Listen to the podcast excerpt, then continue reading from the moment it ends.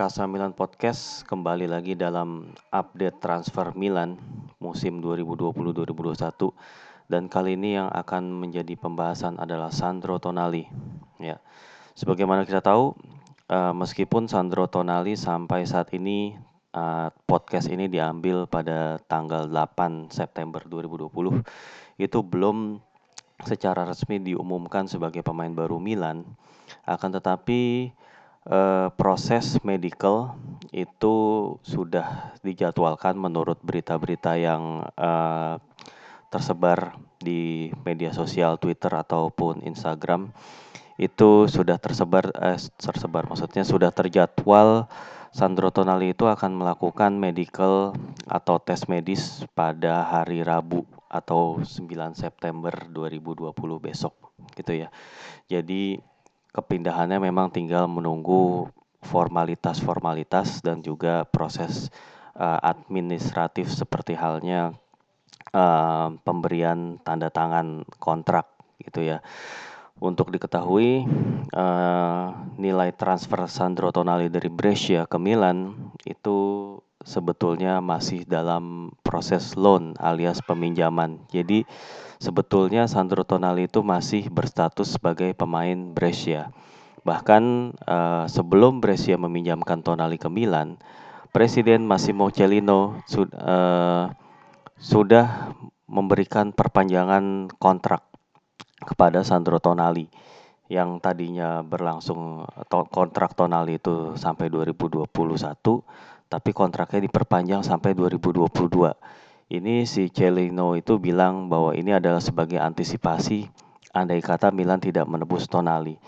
Nah, ini juga berhubungan dengan skema loannya Milan di mana Tonali itu didatangkan dengan status loan with option to buy. Ya, uh, bedakan option to buy dengan obligation to buy. Kalau opsi itu ada pilihan bahwa Milan itu akan mempermanenkan status Tonali musim depan atau tidak. Tapi kalau obligation itu wajib pokoknya mau apa pun yang terjadi setelah masa pinjaman berakhir itu harus dibeli. Nah ini Tonali didatangkan dengan option to buy dengan loan fee yang cukup tinggi 10 juta euro. Tapi kabarnya pembayaran loan fee 10 juta euro itu dibayarkan dalam dua musim yaitu musim ini 2020, 2021 dan 2021-2022. Jadi di spread uh, menjadi dua tahun pembayaran loan fee-nya. Lalu kemudian selain loan fee 10 juta, ada juga uh, opsi beli 15 juta. Opsi beli 15 juta itu dibayarkan kalau Milan mau membeli Tonali dan ada lagi add-ons ataupun kayak semacam bonus 10 juta. Jadi Tonali itu eh, sebetulnya akan ditebus kalau misalnya Milan mau beli dengan 25 juta. Jadi total fee-nya 35 juta. Itu total fee. Dan ada satu klausul lagi yang menjadi eh, pelengkap ya atau yang mungkin juga uh, membuat uh, Presiden Celino juga uh, apa namanya uh, mau melepas Tonali ke Milan ya selain dari keinginan si pemainnya itu sendiri juga ada klausul resale price. Resale price-nya alias uh, rea, uh, klausul penjualan uh, Tonali. Jadi artinya kalau misalnya Milan menjual Tonali, ya uh, entah berapa tahun lagi gitu, uh, tapi dengan harga minimal 30 juta euro, 30 juta euro, itu Brescia akan mendapatkan uh, resale price ataupun klausul dari klausul itu Brescia akan mendapatkan 10% dari harga jual. Tapi harga jualnya hanya di atas 30. Kalau jualnya ternyata di bawah 30, Brescia tidak akan uh, mendapatkan uh, resale price tadi gitu resale price clause tadi. Jadi memang kontraktual pemain itu sangat-sangat uh, complicated, ribet gitu ya dengan skema-skema yang kita juga tidak sebelumnya tidak kita ketahui ya mungkin karena adanya media sosial dan juga uh, jurnalisme yang semakin transparan uh, kontrak-kontrak seperti ini jadi terdisclose atau terungkap ke publik gitu ya. Mungkin sebelum-sebelumnya juga ada klausul-klausul uh, seperti ini tapi mungkin publik tidak banyak mengetahui. Kalau sekarang semakin transparan kontrak pemain nilainya sudah tahu klausul-klausulnya apa saja yang men-trigger jadinya memang bisa dibilang tidak ada ya tidak ada rahasia lagi lah gitu. Dan deal ini juga menunjukkan yang pertama memang kemampuan negosiasi Maldini yang harus diakui sangat-sangat baik. Dia menggunakan karismanya, dia menggunakan pengalamannya sebagai pemain ya dia juga menggunakan relasinya yang baik dengan berbagai pihak. Ya, dan dia juga memanfaatkan keberminatan Tonalinya sendiri untuk bergabung dengan Milan. Jadi cerita Tonali bergabung dengan Milan ini merupakan sebuah dream come true dalam dunia sepak bola ya. Sebuah romantisme yang tidak mengada-ngada. Ya jadi kalau misalnya banyak gitu kayak pemain yang datang ke Milan gitu. Oh, saya memang dari kecil mendukung Milan. Saya berharap suatu saat bisa bermain di sini. Ini adalah dream come true gitu. Banyak sekali kita mendengar kata kata-kata seperti itu. Begitu juga di klub klub lain gitu ya. Kayak misalnya pemain ber, bergabung dengan Inter, dengan Juve. Uh, sering banget kita dengar bilang ini adalah impian yang menjadi kenyataan. Saya sejak kecil mendukung tim ini, saya menyaksikan tim ini, saya mengikuti tim ini kayak gitu. Ya kita nggak tahu eh, omongan-omongan seperti itu kita kadang ngelihat, ah itu mah lip service belaka alias ya itu mah template gitu. Emang khas pemain baru itu ngomongnya kayak gitu supaya uh, mendapatkan uh, apa ya pujian atau mendapatkan simpati dari supporter. Tapi Tonali itu beda. Tonali itu ngomong kayak gitu. Tonali maksud gue, Tonali pada saat nanti diperkenalkan sebagai pemain Milan, nggak perlu dia ngomong ini adalah dream come true nggak perlu bilang bahwa dia adalah uh, supporter Milan sejak kecil karena semuanya sudah uh, terbukti gitu. Jadi tanpa kata-kata, tanpa dia ngomong pun semua udah terjawab gitu bahwa Tonali adalah salah satu uh, peserta uh, Milan Junior Camp. Gue lupa tahun berapa, tahun-tahun uh, mungkin tahun awal sekitar tahun 2010-an ke atas gitu jadi Tonali itu kan lahir tahun 2000 ya, baru 20 tahun usianya gitu. Dan uh, Tonali sempat mengikuti Milan Junior Camp. Milan Junior Camp itu sebagaimana kita tahu adalah sebuah program yang dilaksanakan oleh Milan dalam mengumpulkan pemain-pemain uh, muda dari seluruh dunia, pemain-pemain berbakat. Ini programnya internasional ya. Jadi dari mana-mana belahan dunia mana pun itu ada gitu pemain dan untuk mengikuti turnamen tapi sebenarnya Milan Junior Camp ini bukan bagian dari tim muda Milan. Ini kayak cuman kayak apa ya, program Milan Junior Camp itu kayak cuman uh, project inilah, project untuk marketing, bisa dibilang marketing projectnya Milan gitu untuk supaya uh, banyak uh, anak-anak muda itu tumbuh kecintaannya terhadap Rossoneri dan menjadi pendukung Milan gitu. Sebenarnya ini lebih ke pro marketing. Kalau tim muda lain lagi gitu. Dan apa namanya dalam mengikuti Milan Junior Camp, Milan juga mengikut atau menghadapi lawan-lawan dari berbagai negara juga gitu untuk mengikuti turnamen itu. Dan ada juga sebagian anggota tim muda Milan yang diikutkan dalam Milan Junior Camp gitu. Tapi digabungin dengan pemain-pemain yang daftar dari luar kota atau luar uh, negara gitu saya setahu gue Tonali belum pernah jadi pemain apa bagian dari skuad muda Milan karena dia adalah bagian dari skuad muda Piacenza waktu itu. Dan Piacenza ini klub yang uh, bangkrut ya kalau nggak salah ya. Gue nggak tahu sekarang statusnya gimana kalau nggak salah udah dia mulai mulai lagi dari seri D kayaknya. Sempat bangkrut Piacenza. Lalu kemudian dia berge, ditarik ke Brescia ya, pada usia muda juga. Itu dan mengenai uh, apa namanya atribut dari Tonali. Sepertinya sudah banyak juga yang ngebahas sih secara technical attributes dia gitu. Jadi in conclusion in short conclusion aja gitu. Tonali meskipun timnya terdegradasi tapi permainannya sangat menonjol ya dan sangat dominan di lini, lini tengah Brescia di usia yang masih sangat muda ya. Dan sepertinya penggunaan term overrated itu tidak cocok buat uh, Tonali gitu. Dan juga pemberitaan yang terlalu besar buat dia itu uh, menurut gua wajar-wajar aja. Ya karena bukan apa-apa. Pertama Tonali itu sudah belum apa-apa dibandingin sama Andrea Pirlo ya. Legend sepak bola Italia gitu. Dan apa namanya, uh, Tonali sendiri mempunyai, uh, ciri-ciri fisik yang agak-agak mirip dengan Pirlo, kayak, uh, hairstyle atau gaya rambut dan juga, uh, pas mudanya main di Brescia, juga posisinya adalah, uh, gelandang bertahan. Mungkin orang melihatnya seperti itu ya, tapi padahal seperti yang sudah banyak dibilang, Tonali sendiri tidak merasa, uh, mirip permainannya dengan Pirlo, di mana Pirlo itu sangat teknikal, Pirlo itu sangat uh, mengandalkan visi, dia tidak mengandalkan power ataupun mengandalkan physical presence. Sementara Tonali dia beda, dia mengandalkan fisik. Uh, dia dia pemain yang lebih fisikal, dia pemain yang lebih bisa ngerebut jadi perebut bola, dia bisa beradu atau melakukan tackle dengan pemain um, terhadap pemain-pemain lawan. Tapi selain itu dia juga memang punya atribut teknikal yang cukup mumpuni dan kemampuan passing yang tidak bisa diragukan gitu. Artinya Tonali sendiri memang benar juga kalau dia ngomong uh, dibandingin Pirlo dia lebih ke Gattuso tapi lebih teknikal gitu. Dan kabarnya dia makanya memilih nomor punggung uh, eh, 8 yang sama dengan yang dimiliki Gattuso, juga yang sama dengan dimiliki Suso dan Ricky Saponara gitu ya.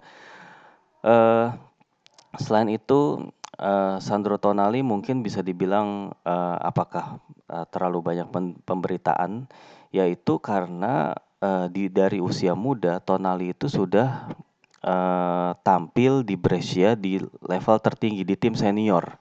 Dan Tonali itu dari umur 17 udah main di Serie B, udah jadi tim inti Brescia di Serie B dan sudah warawiri dipanggil ke timnas Italia level junior dan bahkan di level senior Tonali sudah mengantongi tiga caps gitu ya.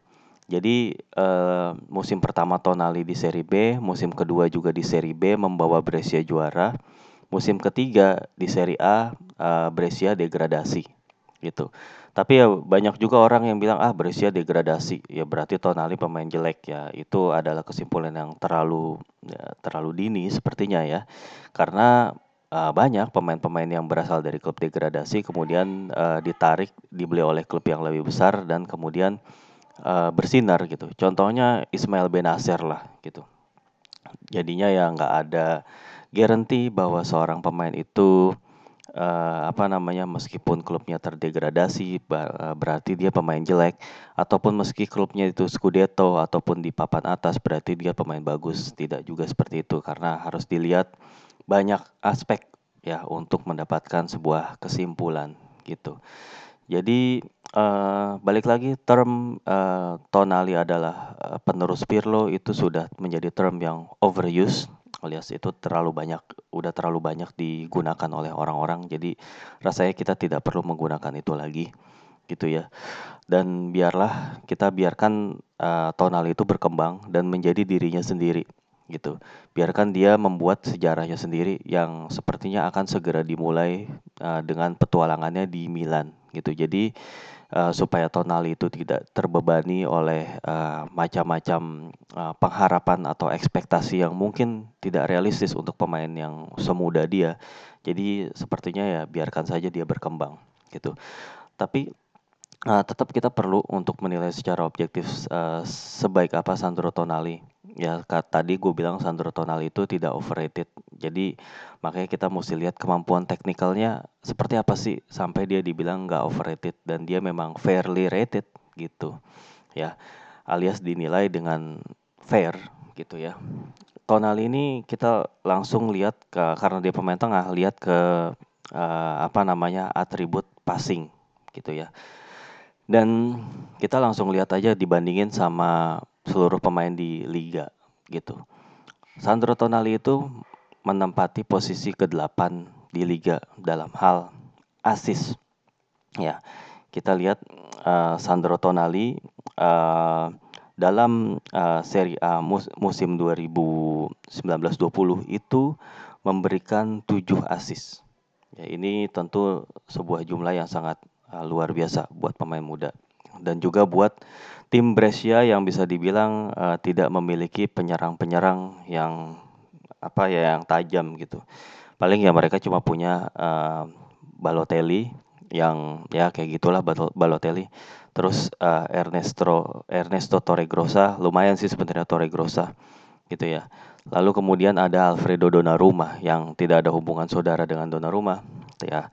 Tak cuma nama belakangnya aja sama ya. Ya itu tiga, tiga penyerang Brescia yang biasa dia uh, berikan umpan ya. Dan dia menepati urutan ke-8 dalam hal assist tentunya urutan satu dan duanya itu Luis Alberto dan uh, Papu Gomez itu juga nggak bisa comparable karena dia Luis Alberto di depannya ada uh, Ciro Immobile sementara si Papu Gomez itu di depannya ada Dufan Zapata gitu ya. Uh, key passes ini dalam hal key passes Tonali itu menduduki urutan ke-9. Itu selagi-lagi mungkin di bawahnya pemain-pemain seperti Alberto dan Papu Gomez juga gitu yang banyak uh, melepaskan kipasis juga Calhanoglu di Milan gitu ya. Ya. Urutan ke-9 juga untuk progressive passes. Maksudnya progresif itu ya yang ke depan ya, umpan-umpan yang ke depan. Bukan umpan-umpan yang uh, maksudnya passing uh, lateral ataupun ke belakang, tapi passing vertikal ke depan. Artinya Tonali mempunyai peran juga dalam uh, peran yang nyata dalam uh, fase serangan dan juga build up dari Brescia. Ya. Dan Tonali juga menempati urutan ke-8 dalam cross, dalam men, apa, melepaskan umpan silang. Jadi Tonali benar-benar sebuah elemen ataupun uh, unsur yang penting dalam fase serangan dari Brescia. Lalu kita kemudian melihat ke stats yang lain ya dari uh, Tonali. Ya. Mungkin uh, lebih ke passing kita akan uh, apa fokuskan karena memang sebagai gelandang atribut passing ini sangat-sangat diperhatikan gitu. Nah, Tonali itu uh, sepanjang Serie A itu uh, memberikan total 1300 eh sorry 1582 umpan dengan 1137 di antaranya umpan akurat. Emang sepanjang kalau sepanjang musim nilainya segitu kelihatannya sedikit banget ya karena pemain-pemain kayak ya, ya pemain-pemain di apa uh, yang timnya tuh position base itu kayak Man City ataupun dulu Barcelona zamannya Xavi Hernandez ataupun lagi-lagi uh, tim asuhannya Pep Guardiola Bayern Munchen itu kadang-kadang itu pemain-pemain tengahnya uh, saat dalam satu pertandingannya itu bisa seratusan passing gitu, seratus lebih. Jadi bayangin aja kalau mereka main dalam 38 pertandingan atau 35 pertandingan deh, berarti jumlah passing mereka tuh dalam semusim bisa 4000, 3000, 4000-an. Tonali itu jumlah passingnya tuh hanya 1500-an, hanya ya kira-kira uh, cuman sepertiganya lah dari pemain-pemain itu. Tapi karena emang ini playing style dari tim. Brescia itu tim yang lebih direct dan juga tim yang lebih banyak didominasi oleh uh, tim lain ketika bertanding gitu. Jadi memang uh, jumlah passingnya itu tidak mencerminkan uh, gaya main si pemain karena ini lebih ke performa dari klubnya itu sendiri gitu ya. Uh, performa dari klub dan Tonali memang ya menjadi bagian penting aja di situ gitu. Dan untuk tadi uh, perbandingan antara passing completion dengan passing attempt itu 71,9 persen. Itu tentunya angka yang lumayan. Tapi ya dilihat lagi tipe passingnya seperti apa. Tipe short pass, medium pass, atau long pass. Ya, kalau uh, medium pass itu itu uh, yang jaraknya 5 sampai 25 yard, 5 sampai 25 kaki ya. Kalau passing short itu di bawah 5 kaki. Ya lu melangkah aja lah berapa kaki gitu kan. Gua nggak tahu eh, satuannya kaki uh, dengan dan meter gitu kalau dikonversi. Uh, kalau passing uh, medium itu 5 sampai 25 kaki, kalau long pass itu di atas 25 kaki. Itu kategorinya uh, long pass gitu ya. Dan uh, tonal itu sangat uh, dominan ya di antara jumlah passing tadi itu dalam medium pass. Jadi jaraknya medium. Jadi bisa jadi kalau di posisi dia yang di gelandang tengah, jarak medium itu bisa dibilang kalau misalnya dia passing itu ke fullback, fullback kanan atau kiri ataupun ke depan langsung ke penyerang. Gitu. Karena memang Brescia tidak memiliki gelandang-gelandang uh, serang yang bisa diandalkan untuk kayak apa ya?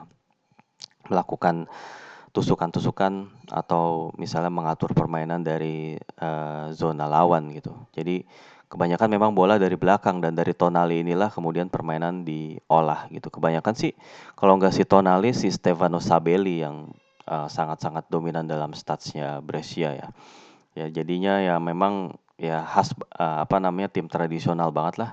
Uh, misalnya dari belakang, misalnya dari belakang ngasih ke Tonali, Tonali ngasih ke Sabelli, Sabelli langsung umpan gitu. Jadi fullback itu kan uh, lebih jarang di marking ya uh, daripada gelandang bertahan atau gelandang tengah gitu. Jadi memang dari fullback itulah permainan diolah karena mereka punya lebih banyak space untuk bisa mengatur uh, umpan gitu. Itu sama, sama kayak gua ngelihatnya timnas Indonesia beberapa tahun lalu. Jadi bola itu dari fullback diumpan ke depan, berharap bola itu nyampe uh, atau misalnya bola itu direbut menangkan second ball kayak gitulah gitu. Uh, medium pass itu uh, 914 kali attempt dengan 771 akurat. Jadi ada uh, 84% akurasi dan long pass ini yang cukup istimewa dari 611 uh, attempt atau usaha ya 352 di antaranya itu uh, akurat. 57% itu uh, di atas 50% long passnya Tonali itu uh, akurat ya. Artinya memang pemain dengan kemampuan long pass yang bagus seperti Tonali ini tentunya uh, punya atribut teknik visi skill yang di atas rata-rata bisa dibilang ya. Jadinya ya seorang gelandang yang punya long pass yang bagus itu artinya dia punya di, uh, nilai lebih dan memberikan dimensi kepada permainan di lini tengah dari timnya. Jadi nggak cuman kayak mengatur tempo atau kayak memper, uh, kayak kayak semacam ngerebut bola, cuman ke, apa namanya mengalirkan bola begitu aja, tapi berperan dalam fase serangan long ball itu karena ya dengan gaya main Brescia yang memang dominan long ball, uh, jumlah long pass Tonali itu memang uh, paling banyak di antara tim Brescia. Lagi-lagi cuman kalah dari si Stefano Sabelli gitu ya. Jadi uh, apa long passnya si eh sorry malah kalau long pass memang Tonali itu paling banyak di tim Brescia. Jadi yang yang di bawahnya Tonali itu cuman si Stefano Sabelli, ya si Jesse Yoronen sebagai kiper, uh, Alex Mateu, lalu kemudian John Chancellor, ya Andreas Cisana. Dan jadi back-backnya, kebanyakan back-backnya juga langsung long pass, tapi uh, ternyata Tonali itu lebih banyak long passnya dibandingkan dengan si uh, anggota tim yang lain. Gitu. Dan uh, akurasi Tonali dalam hal uh, long pass itu juga cukup cukup tinggi gitu ya cukup tinggi. Karena uh, mungkin uh, kalau misalnya dibanding sama tim Brescia lagi, lagi-lagi ya kalau kita bandingin, itu John Chancellor yang paling tinggi akurasi long pass. Tapi kan dia pemain belakang. Ya, long passnya si Chancellor itu mungkin lebih lebih gampang mengarah biasa aja dia mengumpan ke fullback yang lain gitu. Itu kan juga bisa bisa dibilang long pass gitu dari center back ke fullback kalau fullbacknya itu udah maju ya. Cuma kan tingkat kesulitannya tentu lebih kecil ketimbang yang dilakukan Tonali yang biasanya dia melakukan long pass itu ke arah penyerang gitu ya. Terus kemudian stats yang uh, selain daripada apa pas itu uh, goal creation itu apa namanya ya shot created. Nah, shot created itu Tonali per 90 menit 3,4 tiga. Shot creating action artinya uh, dari umpan-umpan ataupun dari uh, skema atau build up yang dia main dia lakukan itu melahirkan tiga tendangan. Jadi ya bisa dibilang uh, tim kayak Brescia berapa sih rataan shotnya? Kan nggak banyak gitu kan. Tapi Tonali sendiri menyumbangkan uh, dengan gaya mainnya dengan passing-passingnya dengan terobosan yang dia lakukan itu 3,43 tendangan men, uh, mengkol apa uh, mengkontribusi 3,4 tiga tendangan ke arah gawang lawan per satu pertandingan gitu. Jadi memang Tonali itu sekali lagi yang tadi gue bilang emang valid ketika dia itu uh, sebagai salah satu kunci serangan dari uh, Brescia gitu ya. Lalu kemudian kita ngelihat ke defensive action ya. Tonali di sini uh, cukup uh, banyak melakukan uh, tackling 52 52 tackling ya artinya dalam satu pertandingan 1, sekian lah gitu jumlah uh, tackle-nya. Gitu kalau misalnya di 90 menit itu rataannya uh, 1,55 kali ya.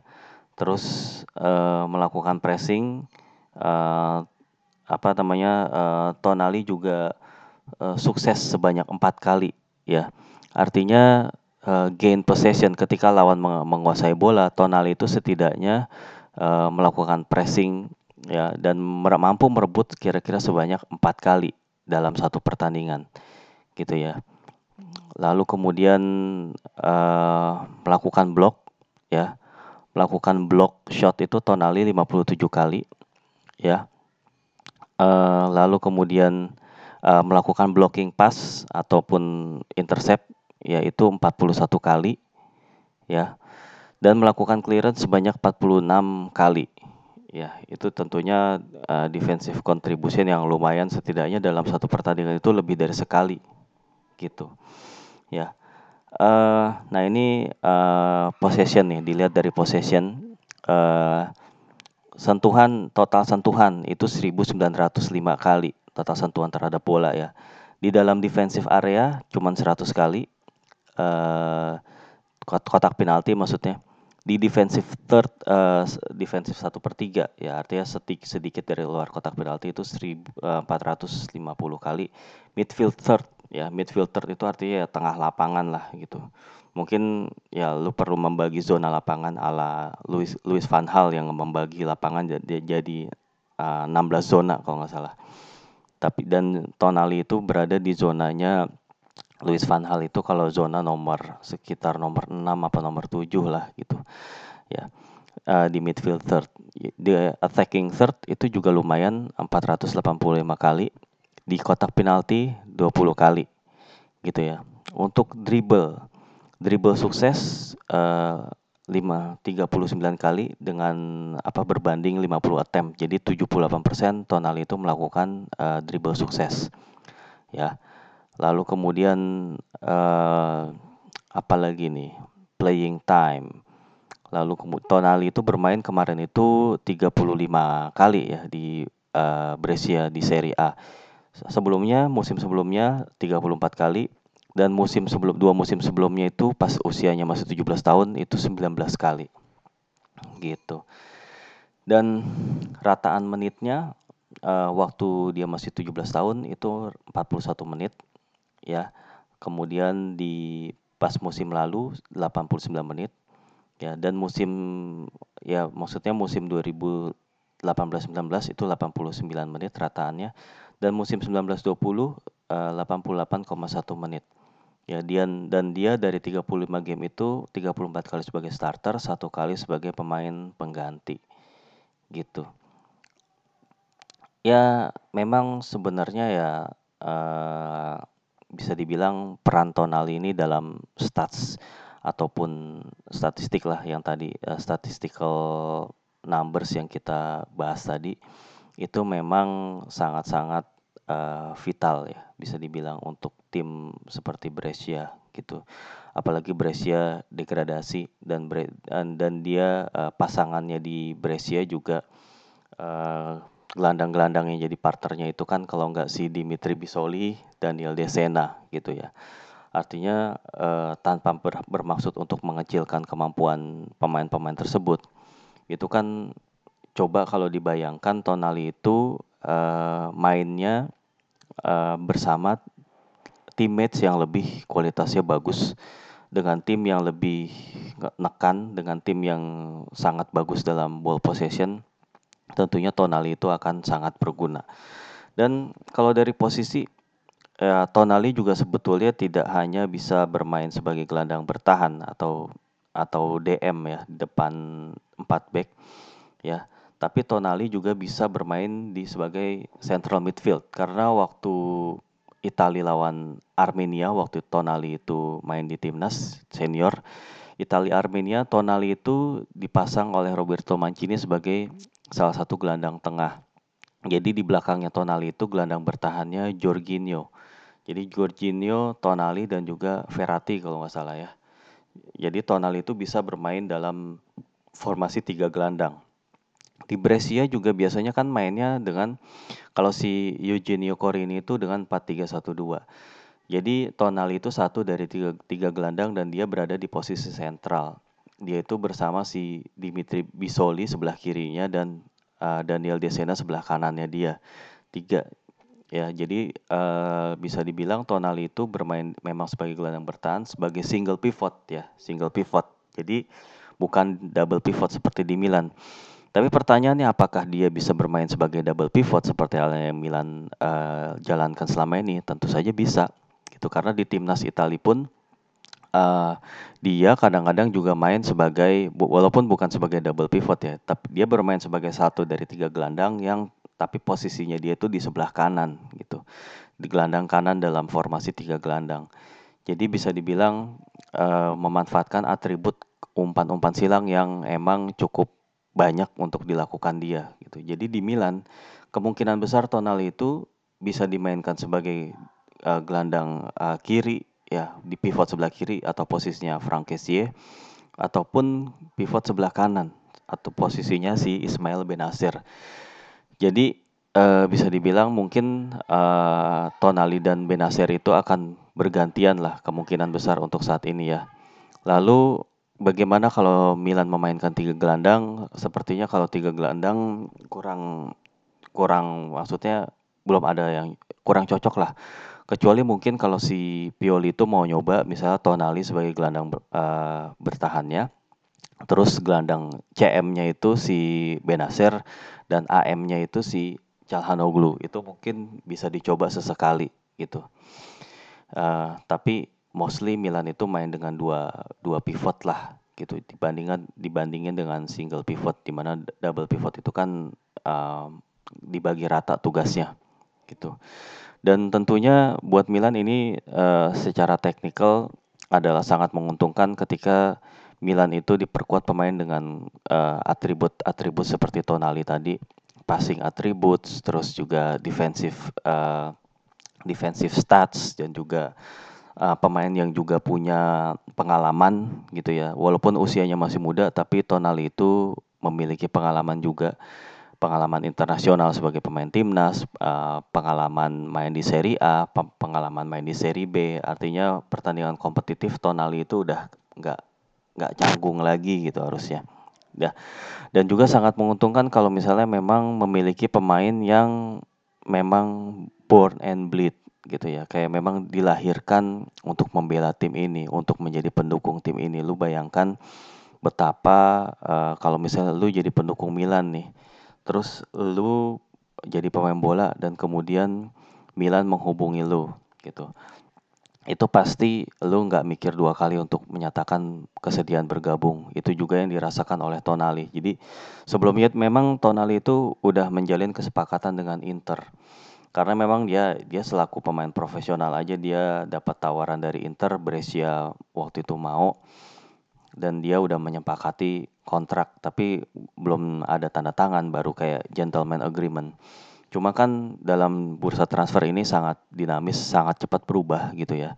Jadi memang uh, Maldini dan kawan-kawan begitu baik dalam memantau perkembangan dari Tonali, mereka juga menjalin komunikasi yang efektif dengan agen BP Rizzo gitu ya. Jadi situasi tonal itu terus dipantau sehingga ketika kemudian Inter memiliki prioritas lain ya dalam hal uh, gelandang dan juga Inter juga masih memiliki banyak pemain yang harus dijual gitu karena mereka surplus juga di posisi gelandang. Akhirnya jadinya uh, Tonali uh, apa Milan mendapatkan ruang untuk mengejar Tonali dan akhirnya dengan sedikit saja pendekatan gitu ya bukan sedikit sih kayak pendekatan yang intensif dalam waktu singkat maksudnya. Itu kemudian Tonali berhasil didatangkan gitu ya.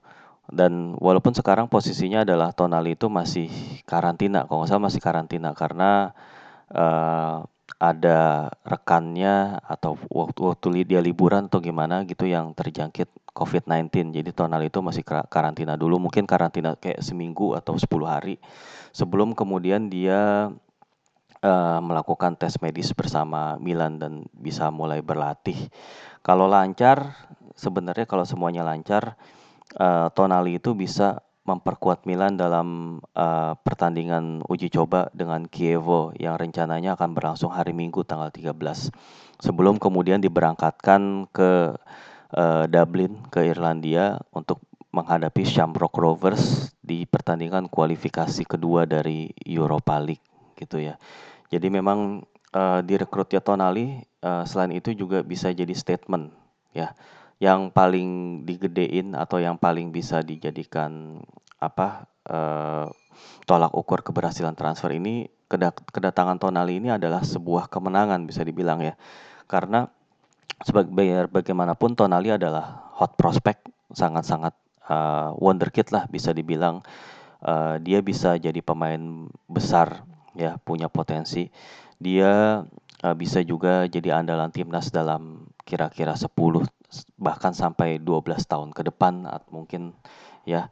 Kalau dia terus bisa mempertahankan level tertinggi uh, buat Milan dia juga bisa jadi gelandang Milan uh, dalam proyek jangka panjang ya bisa 10 tahunan satu dekade. Bahkan kalau misalnya dia mau dia emang uh, benar-benar uh, apa hatinya itu terikat kepada Milan dia bisa aja bermain sampai pensiun di Milan gitu. Dan potensinya Tonali ini juga masih belum 100% tentunya masih banyak banget room for improvement dari dia gitu ya dari mulai kayak composure kayak mulai uh, de decision making ataupun visi permainan itu masih bisa ditingkatin. Dan juga kemampuan fisikal yang bisa terus terus ditingkatin selama dia uh, mengikuti latihan dengan baik dan juga belajar dari pemain-pemain lain di Milan. Dan dia juga uh, semoga aja dia juga uh, mau menerima gitu ketika misalnya Milan uh, menempatkannya dalam sistem rotasi. Karena memang uh, Benacer dan Kessie itu sangat bagus. Jadi dia tuh harus uh, membuktikan diri juga gitu. Dia walaupun misalnya transfernya itu sangat dinanti-nanti oleh Mil Milanisti dan juga oleh staf latih Milan dia nggak otomatis dapat guarantee starting eleven gua rasa. Dia harus fight for it dia harus earn for it gitu. Dan uh, Tonali juga uh, mendapatkan gaji yang cukup besar di uh, sekitar dua setengah dua sampai dua setengah juta euro lah ya jadi itu cukup besar untuk pemain seusia dia dan juga dibandingkan pemain-pemain lini tengah Milan juga salah satu yang terbesar. Benacer gajinya itu 1,6, Kessie itu sekitar 2-an lah. Ya sedikit lebih besar gajinya daripada Kessie. Pokoknya bisa dibilang jadi yang terbesar gitu untuk posisi double pivot ini memang uh, gaji yang lebih besar itu tidak menjamin dia akan menjadi starter juga gitu. Dia tetap harus uh, menciptakan apa uh, apa namanya benar-benar harus meraihnya sendiri gitu. Dan positifnya adalah dia akan menciptakan kompetisi yang positif di lini tengah Milan. Jadi baik Benacer ataupun Kessie uh, dia mereka tidak akan merasa aman gitu ya dan mereka juga bisa mendapatkan waktu istirahat gitu ya. Jadi uh, karena Milan bisa mainin lebih dari uh, 40 pertandingan kalau misalnya sampai uh, lolos ke Europa League, mereka juga uh, harus bermain bergantian gitu. Karena ya untuk mencapai level yang sama untuk uh, dalam setiap pertandingan tentu dibutuhkan pemain-pemain yang punya kemampuan yang bagus gitu. Dan pembelian Tonal ini menjadi salah satu yaitu statement bagi Milan juga bagi uh, tim lain juga bahwa ah Milan serius nih, Milan serius ingin membangun dan uh, memang untuk pertama kalinya dalam ya satu dekade mungkin ya atau lima tahun ya. Ini memang Milanisti menjalani uh, awal musim atau menyambut musim itu dengan semangat, dengan positif gitu ya, dengan optimisme. Tapi walaupun bagaimanapun optimisme-optimisme itu nggak jarang menjadi bumerang ya makanya optimisme itu juga harus diimbangi dengan uh, sikap realistis juga gitu. Karena kita tahu ya Milan itu sering banget uh, PHP atau memberikan harapan palsu bagi uh, tifosinya gitu ya. Karena terlihat menjanjikan di awal menggebrak di awal tapi nggak taunya di tengah musim udah mulai kelihatan melempem ya. Di awal musim startnya jelek terus baru kemudian di, digeber lagi di pertengahan musim. Tapi ya pas lagi digeber itu semua udah terlambat. Karena ya sebagaimana kita tahu dari poin Milan 66 kemarin itu 41 di antaranya itu didapat di paruh kedua. Ya, di putaran pertama cuma 25 poin. Itu kayak ngapain aja tuh tidur kali gitu ya. Artinya ya itu nggak boleh lagi terjadi pada musim depan gitu ya. Karena uh, sebagus apa pun performance lu di paruh kedua gitu. Kalau di paruh pertama lu tuh banyak ngebuang-buang poin, itu percuma aja. Itu nggak akan membawa lu ke Champions League. Karena uh, di Champions League spot itu paling nggak 70 atau 72 poin lah. Atau bahkan kalau mau ya sekejar 75 poin biar aman gitu. Dan dalam artian kalau 75 poin setidaknya ya uh, Milan itu paling nggak harus memenangkan di 20 lah. Setidaknya 20 pertandingan mereka harus menang gitu. Dari 38 harus menangin 20 atau 19 lah setengahnya mereka harus menang, sisanya seri gitu. Sisanya lagi kalah. Ya memenangkan setengah dari uh, pertandingan di seluruh kompetisi memang bukan pekerjaan mudah dan karena itulah membutuhkan pemain-pemain yang selalu siap ya dengan dan dengan adanya pemain seperti Tonali gitu ya yang pemain yang udah cukup matang untuk ukuran kompetisi domestik tapi sekaligus masih muda dan punya masih punya banyak ruang untuk dikembangkan dan juga punya banyak waktu untuk menjadi lebih baik lagi tentunya ini adalah sebuah kemenangan. Ya dan jangan lupa juga kemenangan di meja negosiasi bisa jadi adalah awal dari kemenangan di lapangan hijau. Oke semoga aja itu menjadi uh, realisasi buat Milan. Ya, kurang lebih itu aja sih, udah kelamaan juga nih uh, tentang Tonali. Memang ini agak-agak excited juga ya, tapi ya sekali lagi ini bukan excitement yang berlebihan, ini adalah cautiously excited. Bisa dibilang kayak gitu. Oke deh, sampai jumpa lagi dalam posting atau entry Kasa Milan podcast berikutnya. Mohon maaf atas segala kesalahan-kesalahan. Oke, sampai jumpa lagi. Ciao.